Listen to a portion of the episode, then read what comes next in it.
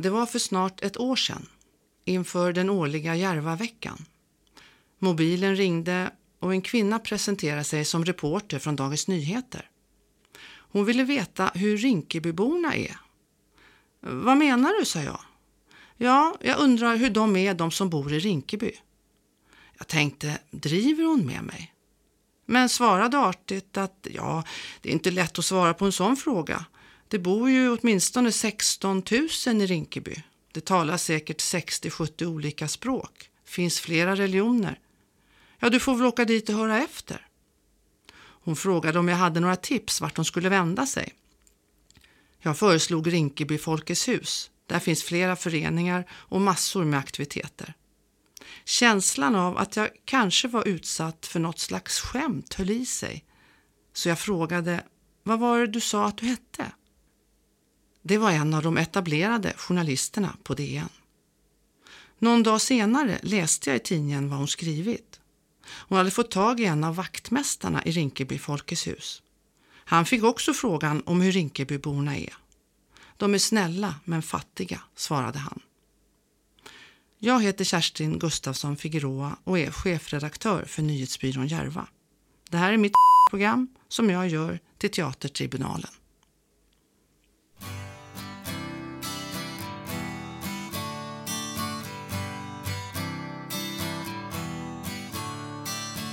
Don't you know We're talking about a revolution sounds like a whisper. Don't you know We're talking about a revolution it sounds like a whisper. While they're standing in the welfare lines, crying at the doorsteps of those armies of salvation, wasting time in the unemployment lines,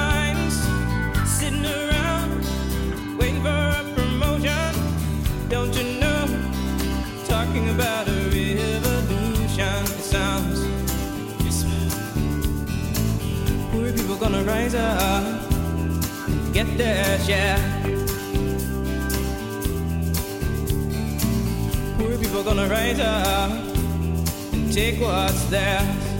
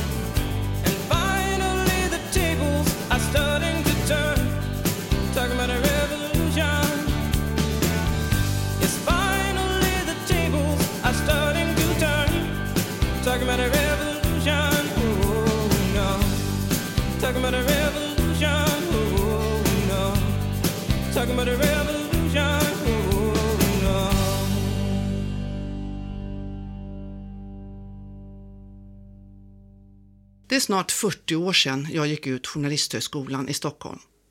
Min första anställning var på Borlänge Tidning som reporter. Det var i januari 1981. Och sedan dess har jag försörjt mig som journalist. Jag har arbetat på tidningar, med radio och tv. Jag älskar mitt yrke. En profession i en bransch som håller på att förändras. Jag kanske till och med riskerar att försvinna helt. Numera skriver många utbildade journalister content. Det som vi kallade för textreklam. Artiklar som kan verka vara vanliga nyheter eller intervjuer men egentligen säljer en vara eller en tjänst. Det är jävligt bra betalt, men det är inte journalistik. Nyhetsbyrån Järva är en daglig webbtidning och eftersom vi läses av många, riktigt många i Järva, så borde myndigheter, förvaltningar och företag annonsera hos oss. Men det gör de tyvärr alldeles för sällan.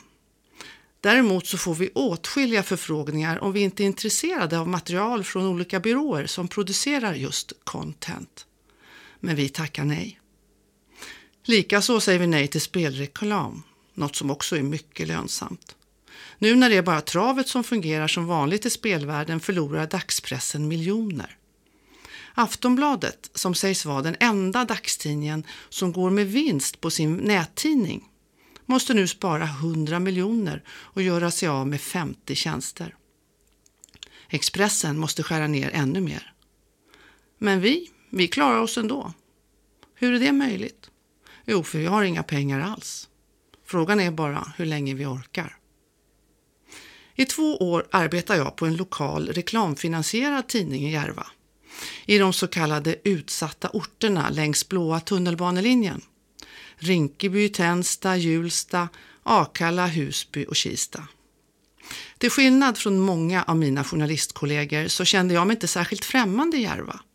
Jag har bott där för länge sedan, i en studentlägenhet på Rinkebysvängen. Jag har kompisar som bott där och flera bor där fortfarande. Jag har haft många roliga jobb, det har jag. Men det här var ett av de roligaste. Jag fick liksom användning av hela mig. Och jag har nog aldrig känt mig så uppskattad förut. Mina texter lästes och diskuterades. Jag intervjuade politiker och tjänstemän, konstnärer, skrev om förskolegrupper, om fotbollslag, om trasiga tvättstugor, om de sista metallarbetarna på Ericsson i Kista. Och ett roligt jobb var när de boende på Gärdebyplan i Rinkeby ockuperade parkeringsplatserna. Eftersom parkeringshuset var rivet, där skulle det byggas nya lägenheter. Vart bilarna skulle ta vägen var det ingen som brydde sig om. Folk parkerade olagligt och vakade över sina bilar dag och natt, gick i skift. Alla grannar och olika nationaliteter var överens. Parkeringsvakterna var övernitiska och vad skulle de göra?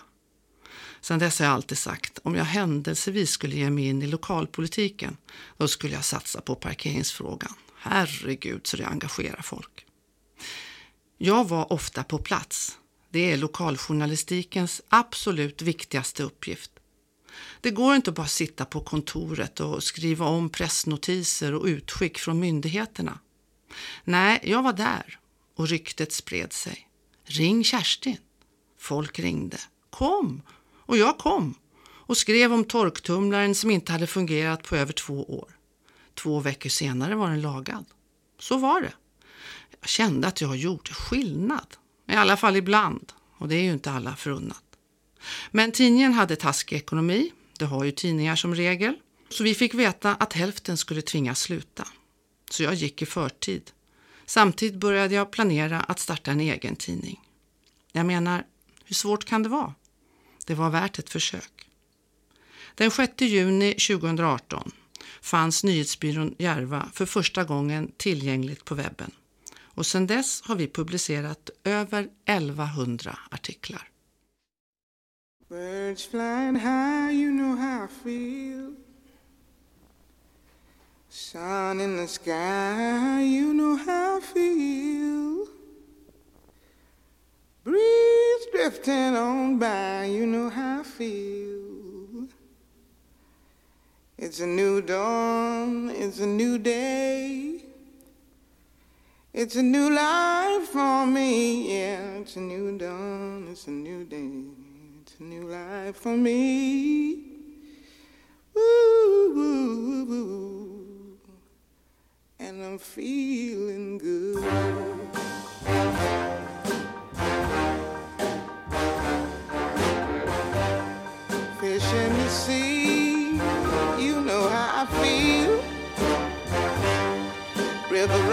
free. You know how I feel. Blossom on the tree. You know how I feel. It's a new dawn. It's a new day. It's a new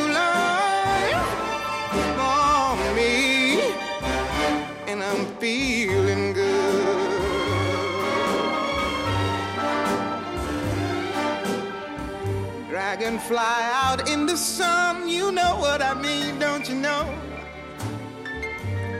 butterflies all having fun. You know what I mean. Sleep in peace when day is done. That's what I mean. And this old world is a new world in a bold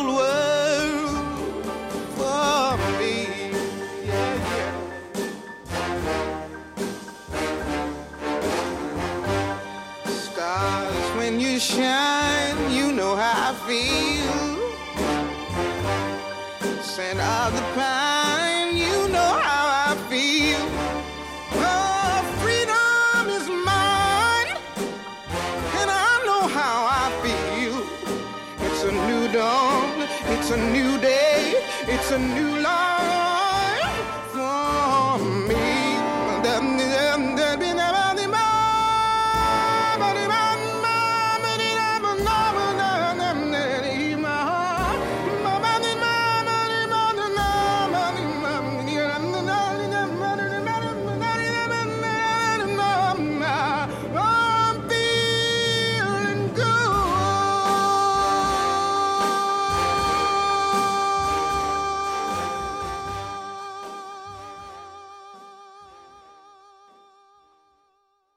När folk frågar så brukar jag säga att Nyhetsbyrån Järva är en partipolitiskt obunden men på alla sätt politisk webbtidning.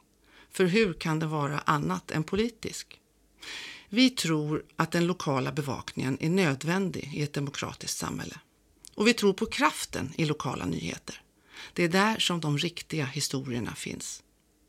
Många Järvabor känner inte igen sig i bevakningen av orten. De är förbannade på medierna helt enkelt. Och det var det som vi ville ändra på. Därför startade vi vår webbtidning. Tanken var också att vi skulle utbilda lokalreportrar, ett nätverk av lokala skribenter. Så på hösten 2018 så startade jag en grundkurs i journalistik i samarbete med ABF i Rinkeby. 17 stycken anmälde sig i åldern 14 till 84 år.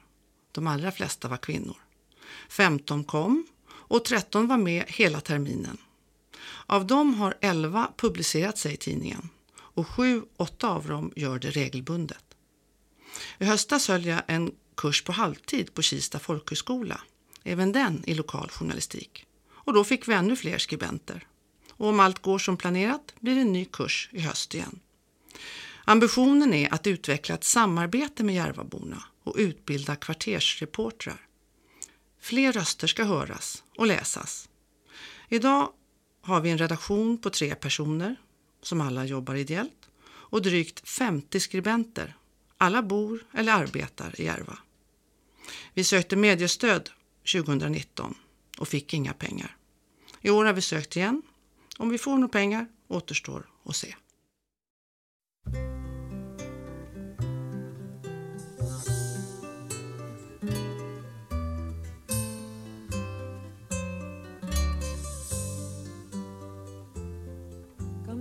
Superficial, cambia también lo profundo, cambia el modo de pensar, cambia todo en este mundo, cambia el clima con los años, cambia el pastor su rebaño, y así como todo cambia, que yo cambie no es extraño.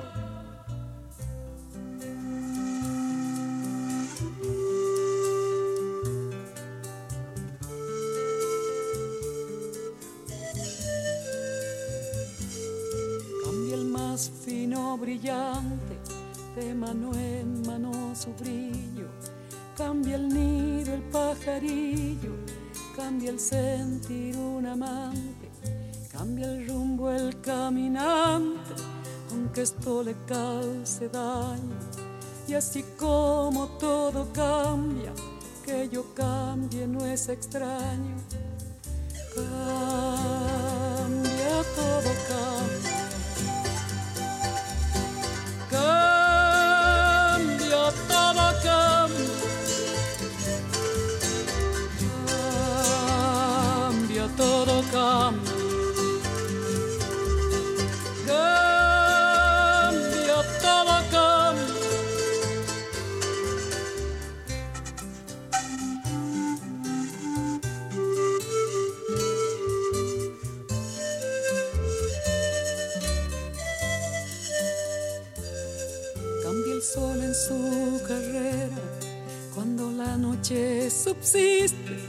Cambia la planta y se viste de verde la primavera.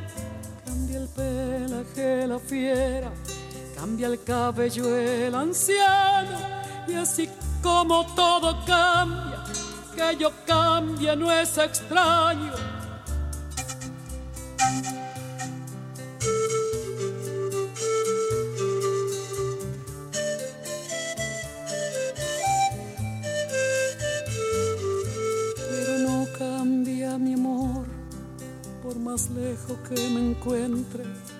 Ni el recuerdo ni el dolor de mi pueblo y de mi gente.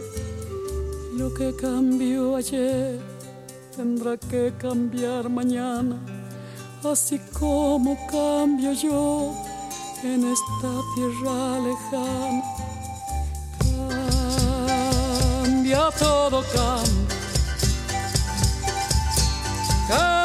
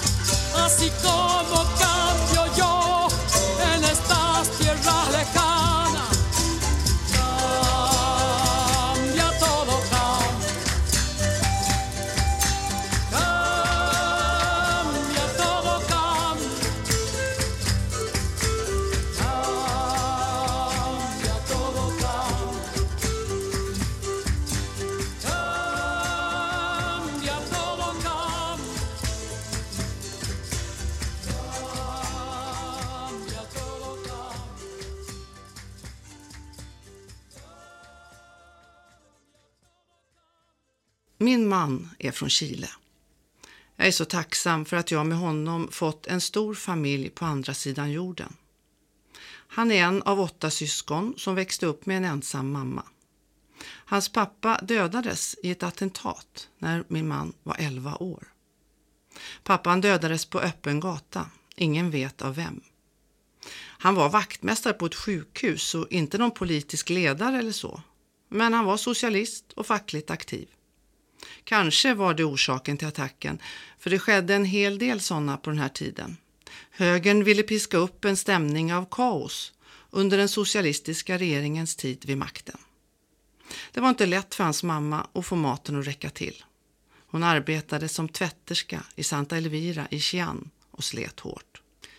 Hela släkten i Chile består av arbetare.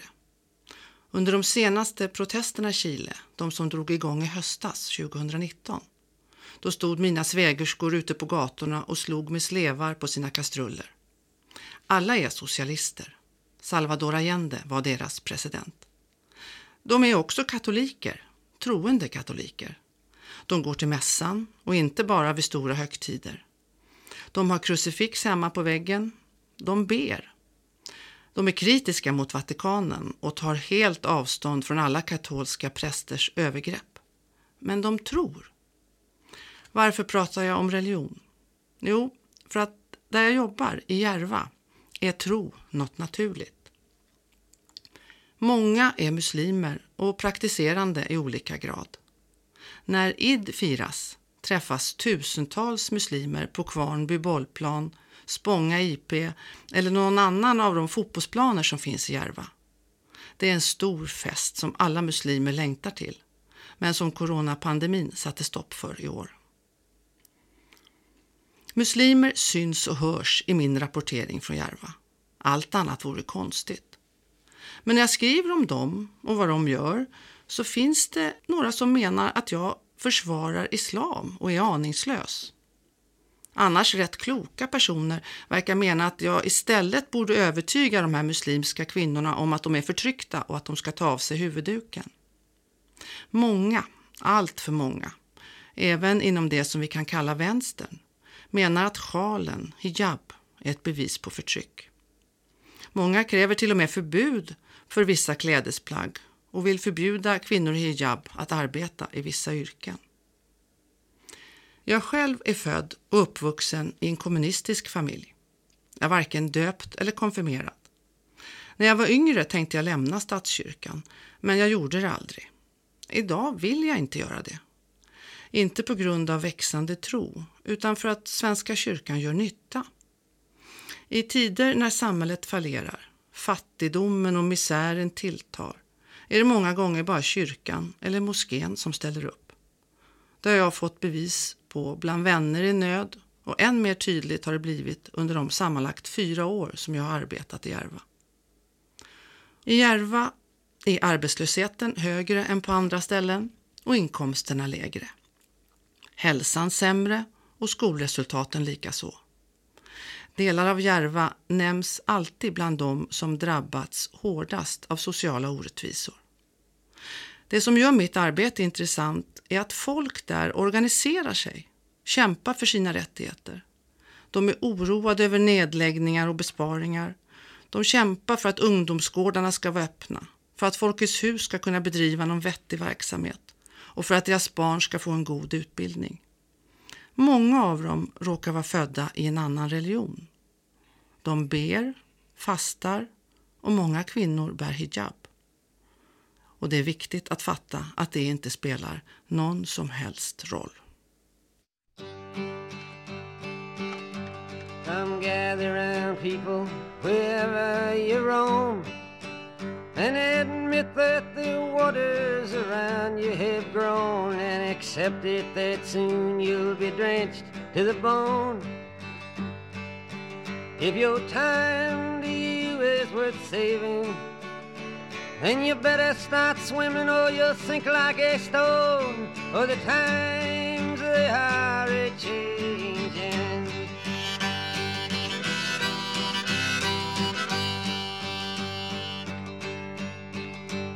Some writers and critics who prophesize with your pen.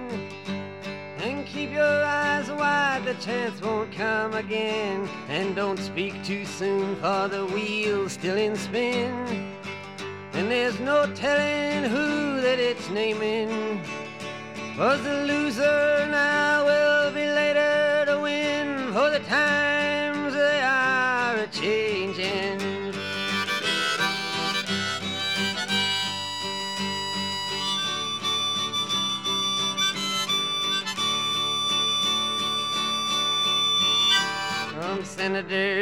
Senators, congressmen, please heed the call.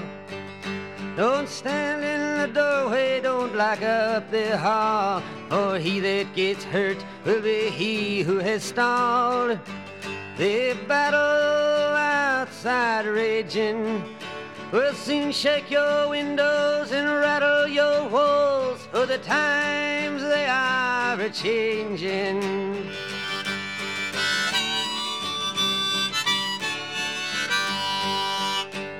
Mothers and fathers throughout the land. And don't criticize what you can't understand. Your sons and your daughters are beyond your command. Your old road is rapidly aging. Please get out of the new one if you can't lend your hand. For the times they are a changing.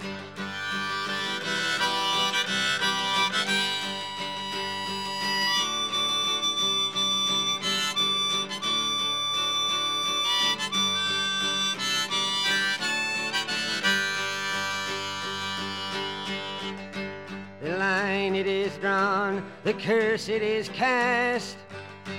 The slow one now will later be fast, as the present now will later be past. The order is rapidly fading, and the first one now will later be last. For the times they are a changing.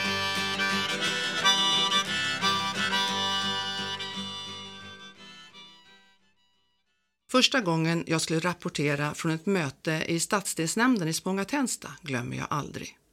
Det var ett mycket välbesökt möte i Tensta träff. Publiken ställde frågor, gjorde inlägg, var kritiska. Kom ihåg, all makt utgår från folket, sa en äldre man i publiken. Honom lärde jag känna så småningom. Han är en numera pensionerad medborgarvärd som heter Mohammed Haji Farah. En del kallar honom Rinkebys borgmästare. Jag var imponerad av mötet och aktiviteten hos publiken. Här fick politiker och tjänstemän förklara sig och försvara sig. Och även om stadsdelsnämndernas makt har beskurits så kändes mötet betydelsefullt. Som demokrati faktiskt. De här mötena, sista torsdagen i månaden, blev viktiga. Inte bara för mig som reporter utan för många. Men snart är de antagligen historia. Om Moderaterna får som de vill kommer de 13 stadsdelsnämnderna slås ihop till fem. Hur många kommer då att åka iväg till Vällingby eller Bromma för att träffa politiker och tjänstemän? Och vad kommer politiker och tjänstemän veta om Risingeplan eller Trondheimsgatan? Troligtvis mycket lite. Numera anordnas istället Town Hall Meetings. Ett nytt påfund och naturligtvis på engelska. Politikerna kommer på besök till orten. Publiken får ställa frågor och politikerna svarar. Allt reglerat exakt. Två minuter till frågan och fem minuter till svaret. Jag har deltagit på flera sådana möten. Och hur gick det? Ja, frågorna var många och svaren förväntade. Och när inget svar fanns, vi tar med oss din fråga. Är det så här det kommer bli nu i fortsättningen? Ingen regelbundenhet i mötet med medborgarna. Mycket svårare att mobilisera opinion lokalt. Tjänstemännen behöver aldrig möta de medborgare de ska tjäna. Och politiker gör sporadiska och välregisserade besök hos verkligheten. It's not the waking, it's the rising. It is the grounding of a foot uncompromising. It's not forgoing of the light, it's not the opening of eyes, it's not the waking, it's the rising. It's not the shade, we should be past it. It's the light and it's the obstacle that casts it. It's the heat that drives the light. It's the fire it ignites. It's not the waking, it's the rising. It's not the song, it is the singing.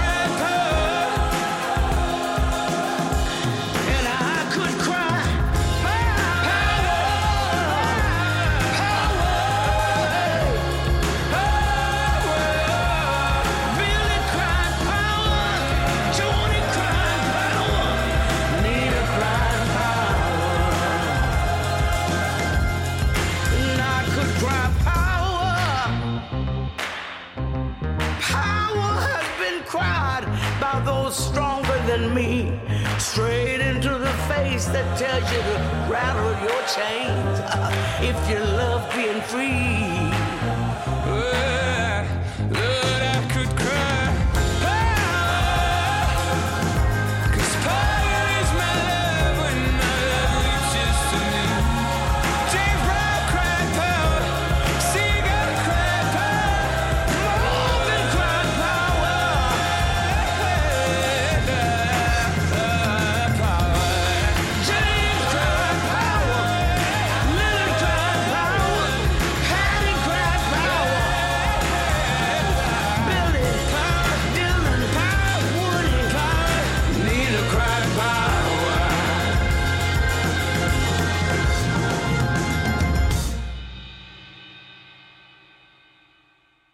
Moderaterna vill ha visitationszoner, säger de, så att polisen ska kunna visitera människor i tid och otid. Varför kräver de det? Det är att slå in en öppen dörr. Visitationszoner finns redan. I Järva händer det med jämna mellanrum. Unga grabbar ligger särskilt risigt till. De kan polisen trycka upp mot en husvägg lite när som helst. Eller dra in dem i en polispiket, dra av brallorna på dem, förödmjuka dem och sen ställa av dem någonstans långt utanför stan. En av dem som jag har intervjuat som varit med om just det där, det är en kille som jag har känt i flera år. Världens snällaste grabb. Pluggar på KTH, aktiv i fotbollslaget. Det där lokala laget som tar hand om de grabbar och tjejer som slås ut från de stora fotbollsklubbarna men ändå vill fortsätta spela fotboll. Han hade varit i Rinkeby Folkets hus på ett möte med Förenade förorter. Han gick ner till affären i centrum för att köpa bullar till fikat. Då såg han att polisen tryckte in en av hans kompisar i ett avskilt rum i centrum, just dit där polisen brukar plocka in killar och visitera dem, om det räcker med det. Vad gör ni? frågade han. Det räckte för att polisen skulle avlägsna honom. Han tvingades in i baksätet på en polisbil och poliserna körde iväg. Han hade hört många historier om hur de tar folk till skogen och slår dem, så han försökte prata med poliserna, men ingen svarade. Till slut släppte de av honom i Järfälla, vid en mack och en korvkiosk långt bort. Om inte Järva är en visitationszon, så vet inte jag. Vad mer vill Moderaterna ha? Jag skrev en artikel om en ung tjej som bor med sina syskon och föräldrar i Rinkeby. Men hon var ensam hemma en morgon. Strax före tio vaknade hon av att en främmande man stod inne i hennes sovrum. Två andra män stod ute i hallen. Hon blev livrädd och trodde först att de var inbrottstjuvar. När en av männen frågade henne om hon var ensam hemma, då blev hon ännu mer rädd. Två av männen var klädda som byggnadsarbetare och en av dem var civilt klädd. De hade gått in med nyckel. De var poliser. Men kan polisen gå in hos folk hur som helst? Krävs det inte ett beslut om husrannsakan? Nej, det är bara amerikanska filmer som det fungerar på det sättet. Polisen får. Men inrikesminister Mikael Damberg, han kräver att det ska bli lättare att göra husrannsakningar. Lättare? Redan idag kan en enskild polisman besluta om att göra en husrannsakan med stöd av polislagen, även när det inte finns någon konkret misstanke. Vad vill Damberg mer? Jag ringde till ministerns pressekreterare och fick veta att möjligheterna till husrannsakningar dock är begränsade. Men nu ska inte finnas några begränsningar överhuvudtaget.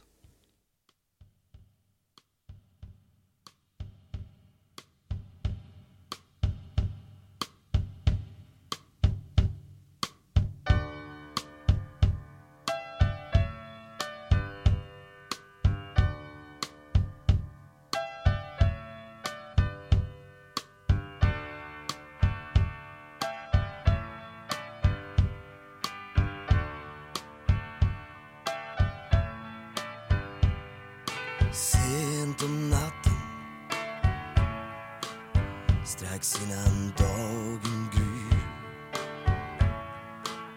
Strax innan mörkret ska vika.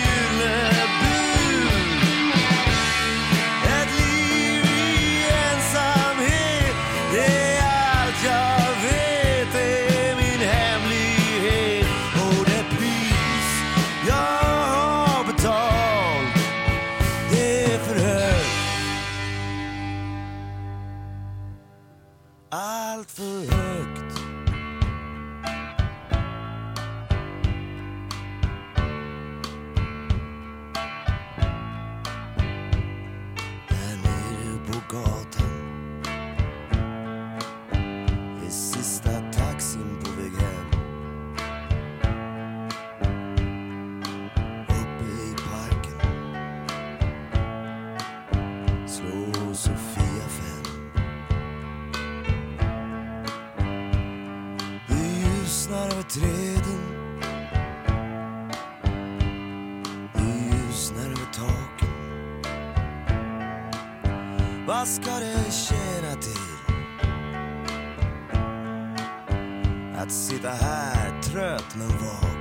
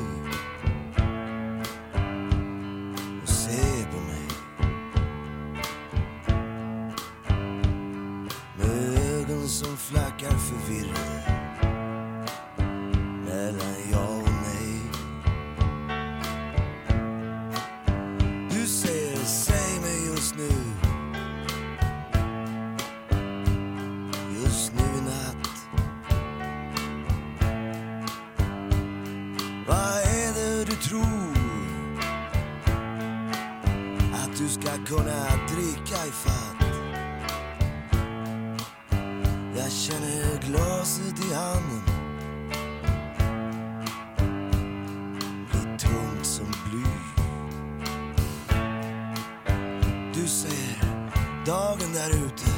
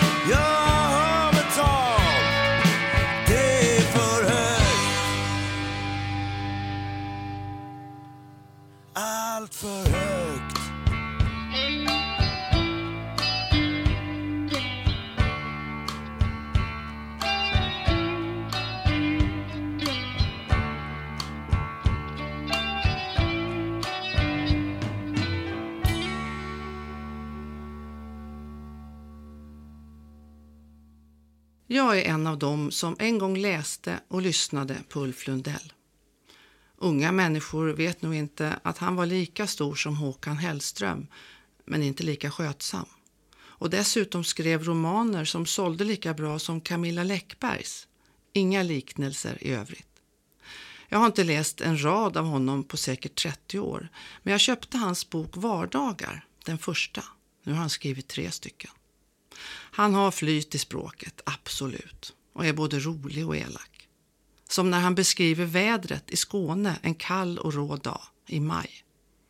Känns som att hela landskapet blir en Bergman-film, utan handling, man vill inte gå ut. Och när han kritiserar att undersköterskor har för dåligt betalt och att fondmäklare snuvar arbetande folk på miljoner, då är det lätt att hålla med honom. Men så skriver han att han försökte läsa Johannes Anjoros roman De kommer att drunkna i sina mödrars tårar, men gav upp.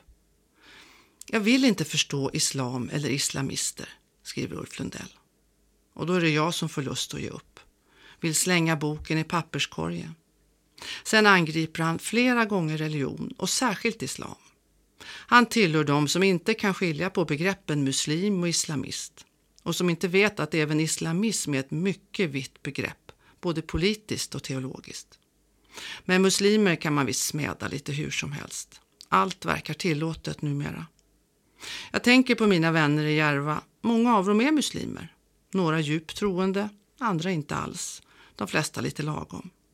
Vad är det Ulf Lundell inte begriper? Antagligen känner han inga muslimer. De är väl inte så många bland husen på Österlen. Tycker du att det har blivit svårare att fotografera människor? En kollega till mig som gjort en vända ute i Järva undrar. Han tyckte att folk blev griniga när han tog fram kameran. Nej, jag tycker inte att det har blivit svårare. Inte ens särskilt svårt. Men visst, Järvaborna gillar inte journalister särskilt mycket. Men vi är ju inte någon populär yrkeskår någonstans. Sveriges Television gjorde något som de kallar för en minidokumentär. Det är lite obehaglig stämning här. En frusen SVT-reporter står med sitt team, antagligen bara en fotograf numera, i Rinkeby centrum en sen kväll. Inte många ville prata med henne och en ung kille kallar henne för hora. Detta föranleder en liberal riksdagsledamot att bli upprörd och skriva på Twitter att rättssamhällets största uppgift är att återta makten över dessa områden och skydda de utsatta. De utsatta? Vilka tänker hon på? Representanterna för SVT?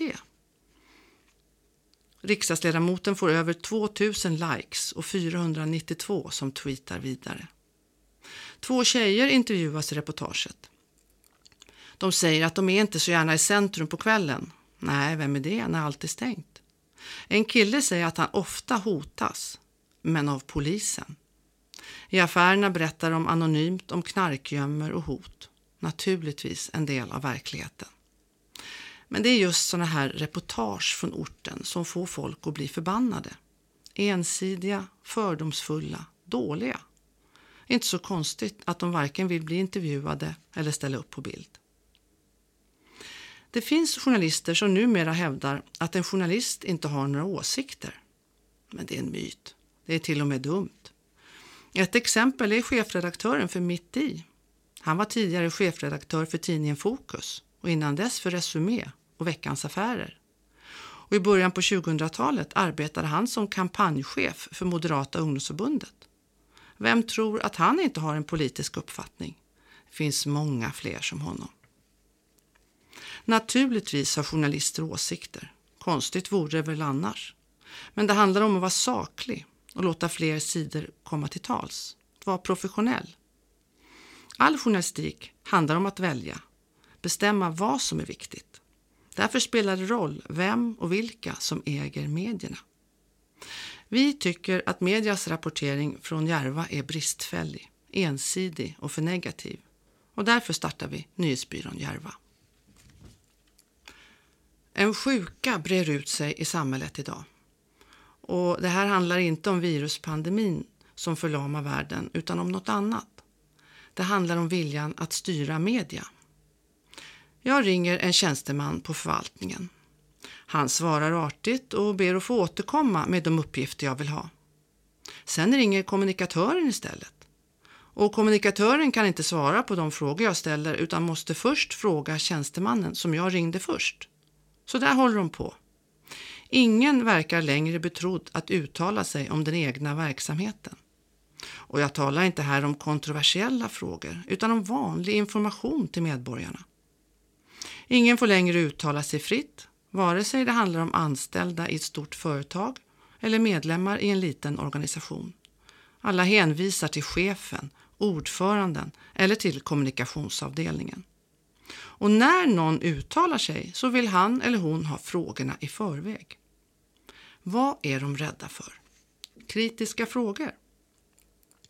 Det är så många som uttalar sig, det blir lätt fel, brukar det låta. Men den chef eller styrelse i en förening som med det argumentet hindrar anställda eller medlemmar att uttala sig bryter mot lagen. Vad är medias uppdrag?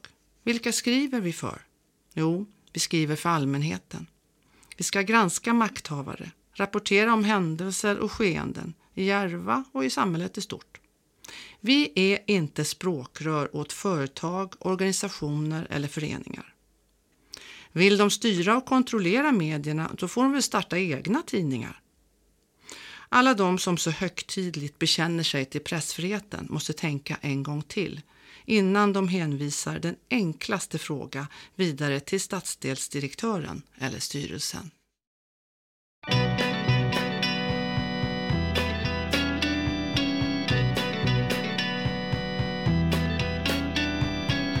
Baby, do you understand me now? Sometimes I feel a little mad. But don't you know that no one alive can always be an angel? When things go wrong, I seem to be bad. But I'm just a soul whose intentions are good. Oh Lord, please don't let me be misunderstood.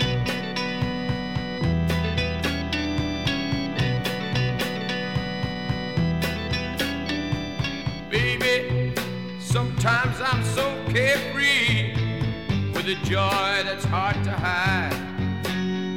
And sometimes it seems that all I have to do is worry, and then you're bound to see my other side. I'm just a soul whose intentions are good. Oh Lord, please don't let me be misunderstood. If I seem edgy, I want you to know that I never mean Life has its problems, and I get my share. And that's one thing I never mean to do, cause I love you. Oh, oh, oh, baby, don't you know I'm human? I have thoughts like any other one.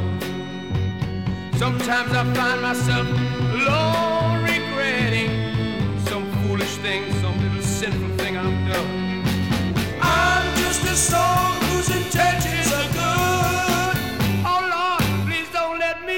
misunderstood. Yes, I'm just a soul whose intentions are good. Oh Lord, please don't let me be misunderstood.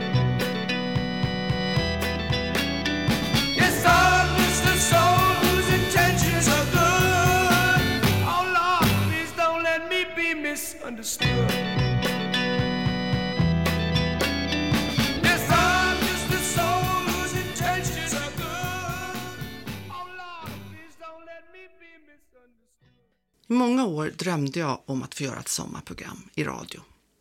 När jag precis hade gett ut min första bok på ett etablerat förlag, då hoppades jag att jag skulle få frågan. Min bok var en blandning av intervjuer och reportage om och med sovjetiska kvinnor. Den fick en massa medial uppmärksamhet och då tänkte jag att nu kanske skulle jag få frågan. Nej, inte alls. Jag har nog aldrig varit i närheten av att bli tillfrågad. På senare år har jag inte tänkt på det alls. Inte brytt mig, knappt lyssnat på Sommar i radio. Och så kom jag på varför. Inte för att jag blivit klokare och mognare och sådär. Nej, det beror på att mamma inte lever längre. Jag tror att jag ville göra henne glad. Hon läste allt jag skrev. Lyssnade på allt jag sände och hon hade älskat att höra mig i sommar. Jag har skrivit en bok om min pappa. Egentligen finns han med i två av mina böcker. Men jag skrev aldrig någon bok om mamma. Bara gjort en längre intervju. Och ändå var det hon som var den stora berättaren i vår familj. Gud så jag saknar mamma. Ibland drömmer jag om henne. Det händer att jag vaknar och är ledsen. Då har jag drömt att jag glömt att besöka henne, att hon blivit liggandes ensam för länge i lägenheten och att jag inte varit där så ofta som jag borde. Men i drömmen är det jag som har varit försumlig, glömt bort. Inte hon som är anklagande. Mamma gav mig aldrig dåligt samvete för att jag var hos henne för sällan. Kanske berodde det på att jag faktiskt var där ofta, särskilt de sista åren då hon levde ensam. Jag hade den stora turen att bo nära, bara några kvarter bort. Tänk på alla dem, som min egen man, som tvingats lämna sin familj och släkt på andra sidan jordklotet. Det är därför som jag kallar det tur. Tur hade jag med båda mina föräldrar. Har sluppit många och kostsamma timmar i terapi. Kanske saknar jag självinsikt, det är möjligt. Men jag har känt mig så älskad. De var så olika varandra, mamma och pappa. Han var lågmäld, eftertänksam, tyckte inte om att stå i centrum. Han var mycket beläst, men självlärd. För studier efter folkskolan var det aldrig tal om i en fattig familj med nio barn. Mamma var pratsam, hördes, lika snabb i tanken som i käften. Och så kul hon var. Pappa kunde vara underfundig, men särskilt rolig var han inte. Mamma var en duktig elev och hade som barn planer på att bli lärare. Det märktes att hon haft sådana drömmar när hon förhörde mig inför något prov. Inte en enda gång under hela min skolgång sa hon nej när jag frågade henne om hjälp. Jag tror att hon gillade att förhöra mig. Stenhård var hon. Varenda kommatecken skulle sitta rätt. Men hon läste inte vidare till lärare. Istället blev hon bagerska. I 25 år på dagen hade hon ett eget hembageri på Fridhemsgatan 68 på Kungsholmen. Hon slet hårt. Hennes höft verkte så långt tillbaka jag kan minnas. Men sånt bröd hon bakade. De som fått smaka minns brödet än idag. Hon älskade sitt jobb. Titta så vackra de blev, kunde hon säga när hon tog ut en plåt med vetelängder ur ugnen. När vi varje sommar åkte iväg till Hudiksvall, pappas hemstad, så satt mamma bredvid mig i framsätet i bilen. Hon berättade historier hela vägen om hur hon cyklat till Sandviken, om släkten i Österfärnebo, om någon som bodde i Tierp och någon annan i Gävle. Vi gjorde en avstickare in till Älvkarleby. Där var hon född och uppvuxen. Där berättade hon om var och varannan kåk vi passerade. Om dansen på turisthotellet, om kärlekar och konflikter. Och som hon berättade. Vi hade aldrig bilradion på. Mammas historia var bättre. I åratal hörde jag dem, om och om igen. Och nu har jag glömt nästan alla. Det är förfärligt. När jag äntligen bestämde mig för att dokumentera min mammas liv, då var det för sent. Hon blev vanligen glömsk efter att hon fyllt 80. Men hon var en mästare att dölja det. Hon gjorde bara några snygga svängar åt ett annat håll i samtalet och fortsatte vara en underhållare. Men när jag tog fram bandspelaren och ville få ordning på händelserna, vilket år, med vem, ja då svek henne minnet. Och jag pallade inte att sitta där och tjata. Det blev plågsamt. Så kom ihåg det. Ställ era frågor i tid. Jag borde ha skrivit en bok om mamma.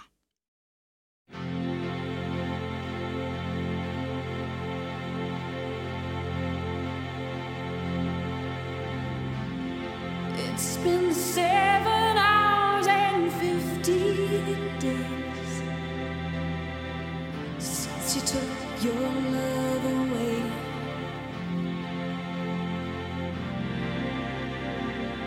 I go out every night and sleep all day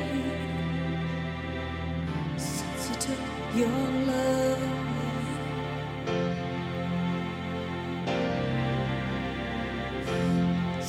you've been gone,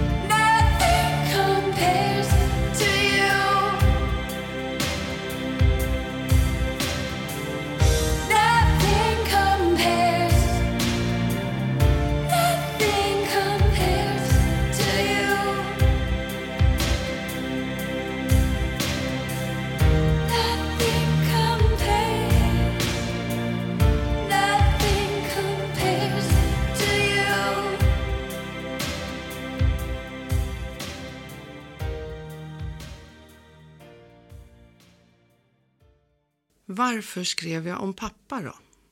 Jo, han hade en historia som måste berättas.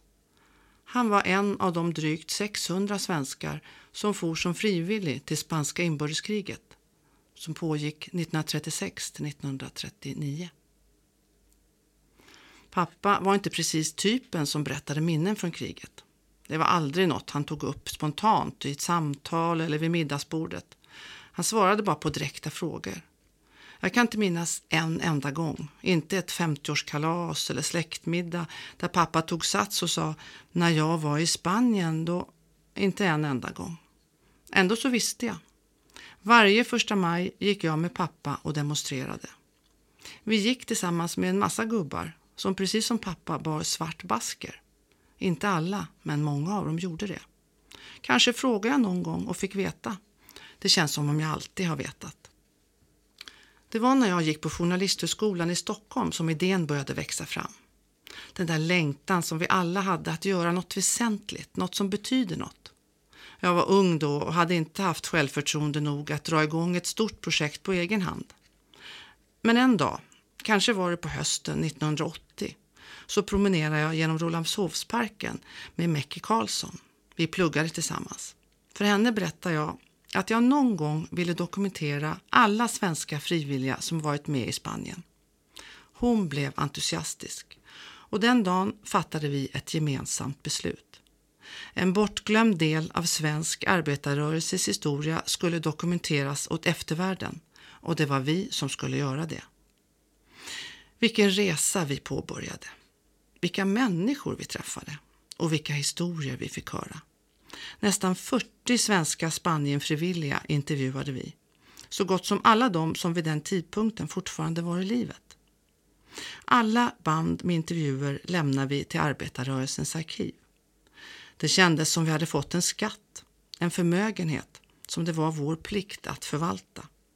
I flera år arbetade vi med det där. Vi skrev en bok tillsammans och gjorde en radiodokumentär.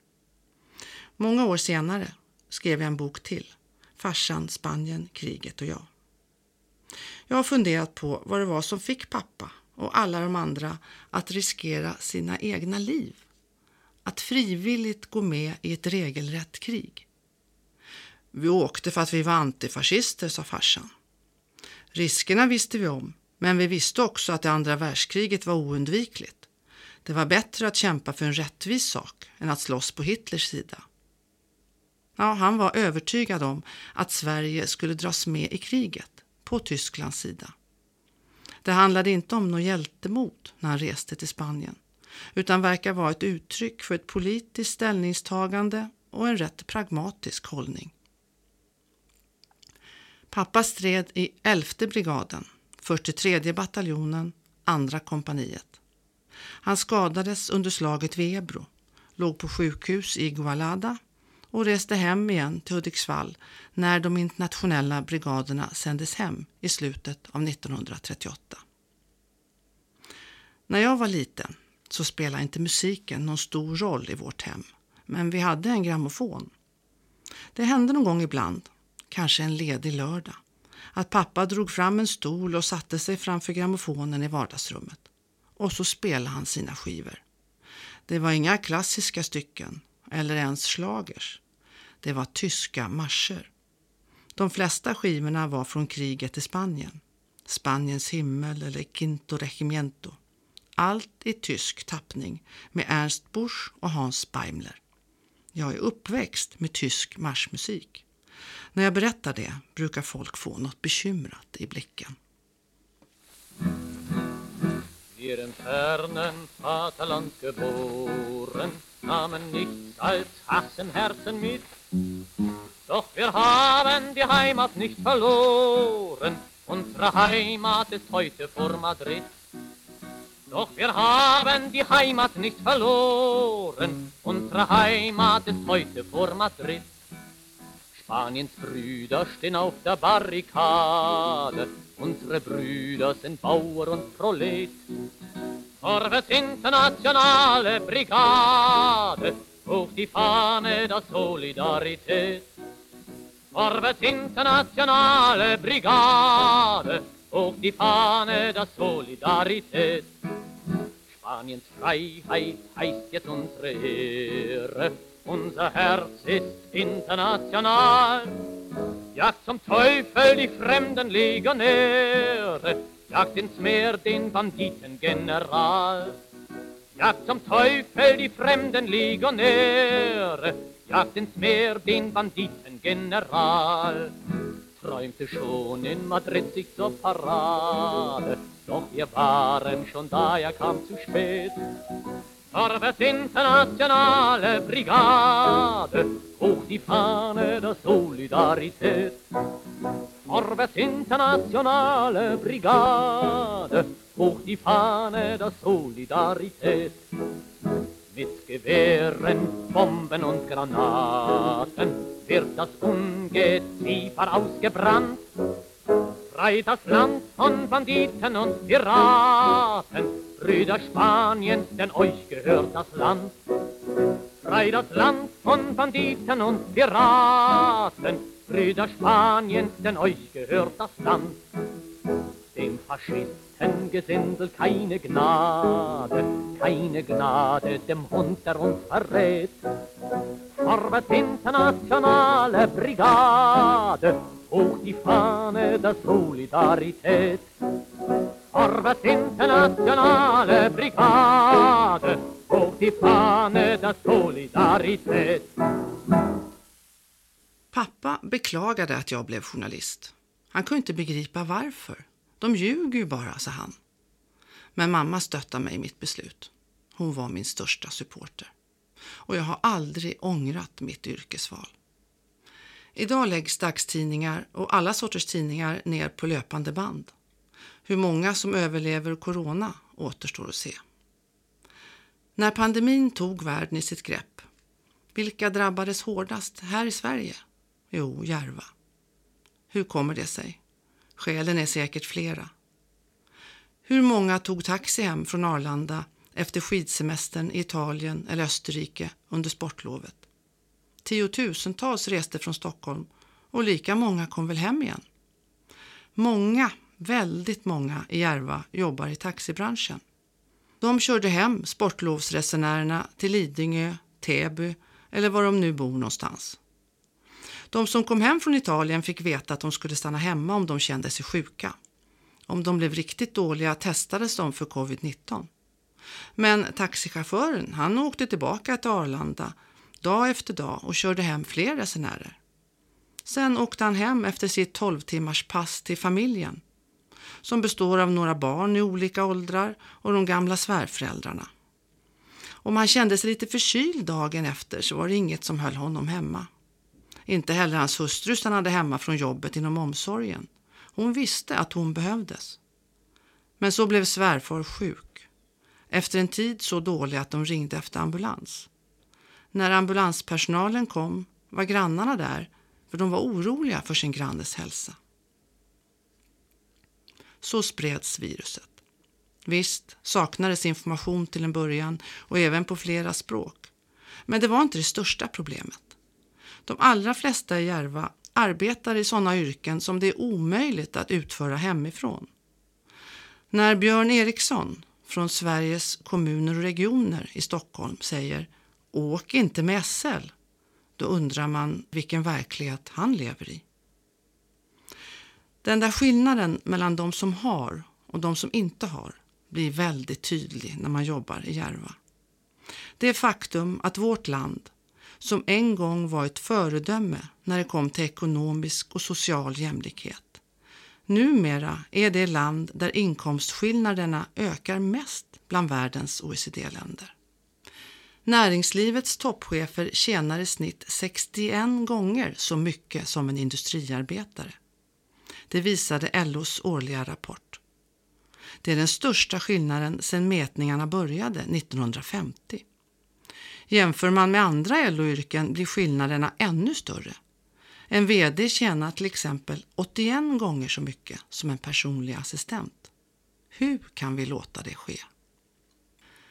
Efter några veckor i någon slags karantän, jag hade varit förkyld, så åkte jag iväg mina två stationer med tunnelbanan och gjorde en intervju i Järva. När den var klar så passade jag på att äta lunch på ett ställe som jag varit flera gånger tidigare. Det var nästan tomt i restaurangen, fast det var lunchtid, så det var inte svårt att hålla distans. Efter en stund kom det in tre personer som arbetar på förvaltningen.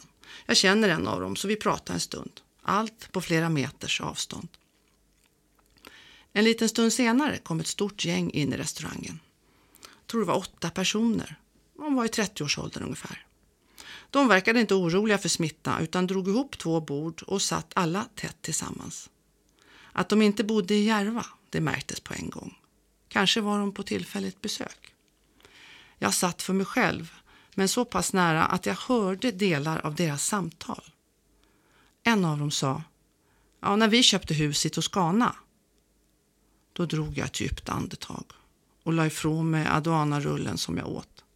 Tappade liksom matlusten. Det blev bara så tydligt vad den nyliberala politiken under de senaste decennierna har inneburit. Hallå, hallå, hallå. Kapitalet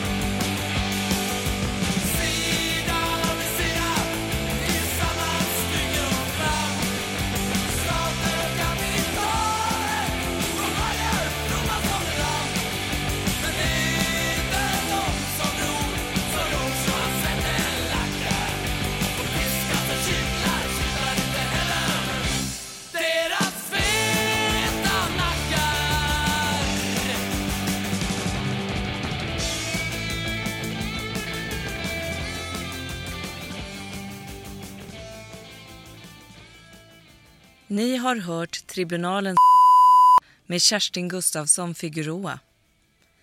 Musiken som spelades var Talking about a revolution med Tracy Chapman, Feeling good med Nina Simone, Todo cambia med Mercedes Sosa, The times they are changing med Bob Dylan, Nina cried power med Hosier, Så mycket äldre med Ulf Lundell, Don't let me be misunderstood med The Animals, Nothing compares to you med Sinead O'Connor. Lead der Internationalen Brigaden med Ernst Busch och slutligen Staten och kapitalet med Ebba Grön. Håll utkik efter fler sommarprogram på tribunalen.com.